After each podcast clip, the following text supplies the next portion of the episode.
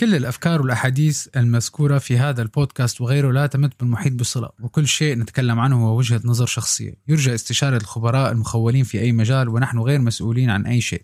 اقتضى التنويه. دخلك بتعرف ما بعرف. ما بعرف. نام تبلش. ما بعرف. ما بعرف. طيب اسمع بركي بتعرف.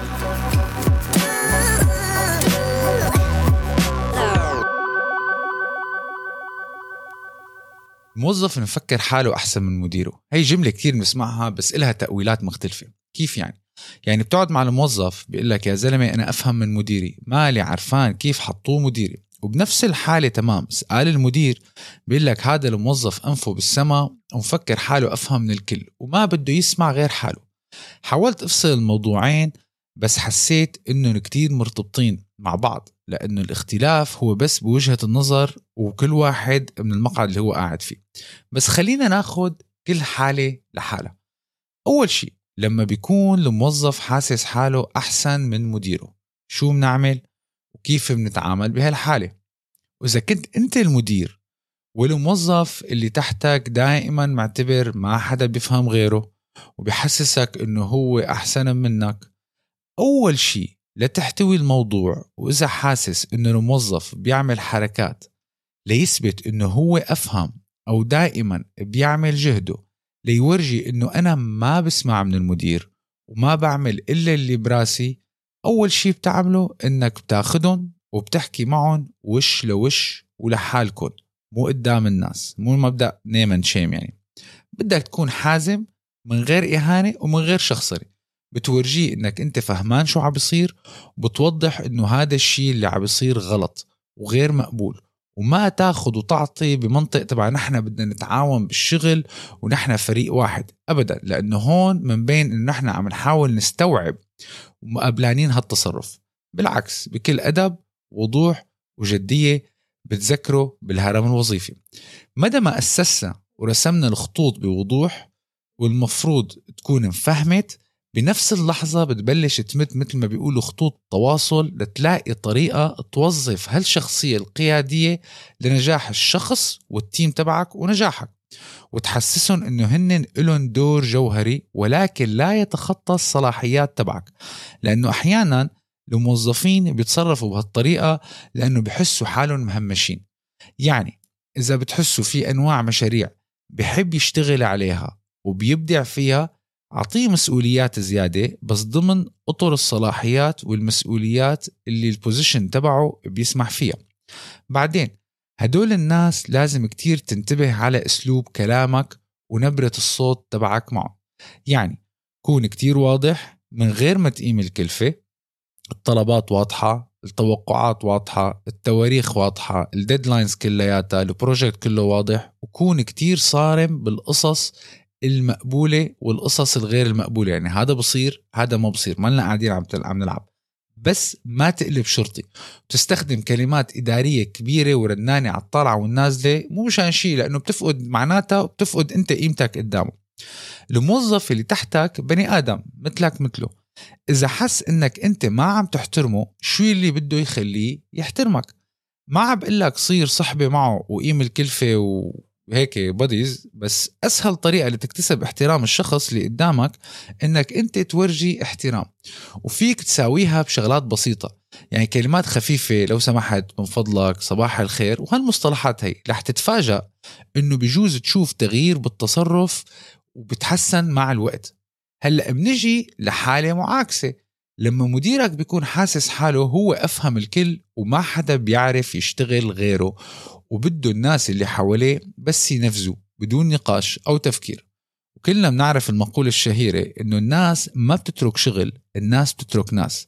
قد ما كنت مرتاح وحابب شغلك إذا مديرك متعب رح تصل ليوم خلص ما عاد. بدك تشوف هذا الشخص بحياتك. وضغط العمل بحياته ما كان هو السبب الرئيسي إنه الناس تترك شغلها. دائما الناس هن السبب بيكونوا بشيء اسمه أو بفوتوا بشيء اسمه اكتئاب مكان العمل. والسر أو الحل لهي المشكلة إنه في شيء اسمه ال managing ال managing up. شو يعني؟ يعني أنت بدك تدير مديرك وبدون ما هو يحس. أول شغلة لازم تحطها براسك إنك تشيل فكرة إنه هو مديرك. وتعامل معه على إنه زبون صعب. الزبون بدك تحافظ عليه وتحافظ على العلاقة معه لتحافظ على البزنس تبعك. هلأ إذا بتفكروا هيك بتتغير وجهة النظر إنه هذا زبون منه مدير. الخطوة الأولى لنفوت بمخ المدير إنه لازم نفهم هو ليش هيك عم بيعمل شو الدافع تبعه؟ حاول تحط حالك محله. وتفهم هو ليش هيك عم بيتصرف بهالطريقة. وحاول تجاوب على شوية أسئلة حتفيدك كتير لتشكل صورة براسك. هو شو بده؟ شو شغله الشاغل؟ شو الشغلات اللي بحبها والشغلات اللي بيكرهها بروتينه اليومي بالشغل؟ هو من شو بخاف؟ قديش بتهمه صورته قدام اللي أعلى منه واللي أقل منه؟ كيف بيقيس النجاح تبعه والفشل تبعه وبناء على شو؟ مدى ما فهمت هالأشياء بتصير بتفهم طريقة تفكيره وبالتالي بصير فيك تحكي معه بأسلوب هو حابب يسمعه وتعطيه شو بده أو شو حابب يسمع أو يشوف. بعدين وهي كتير ناس هلأ بيقولوا طب ليش لحتى أنا أعملها هو دائما بده يضايقني؟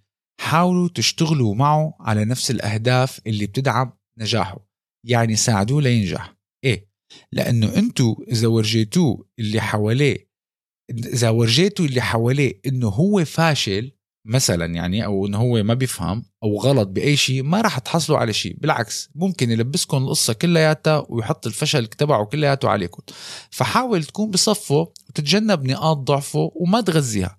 يعني مثلا مديرك فوضوي ومو عارفان وين الله حاطه خلق آلية إنه يكون دائما شغلكم منظم. ترتاح وبتريحوا يعني بالملخص حسسوا إنه أنت شخص يعتمد عليه. بصراحة بحياتك ما بتخسر بالدنيا إذا ساعدت اللي حواليك من الآخر. يعني إذا بيستاهلوا أو لا أنت عم تعمل هالشي لإلك مو لإلهم بالمرتبة الأولى. هلأ اجينا على نقطة كتير مهمة وهي الشماعة اللي بتصير أنت بتلوم عليها. بحياتك ما تستخدم تصرفات وأخلاق وطريقة تعامل مديرك كعذر وسبب إنك أنت ما عم بتساوي شغلك أو أنت صرت عصبي أو أنت صرت مقصر. أوعك. هي حجة بس لحتى نحن نحس حالنا والله أحسن. إنه أنا خبصت بس أنا عم خبص وعم فوت بالحيطان لأنه مديري هو اللي مفهماه الله حاطه. لا.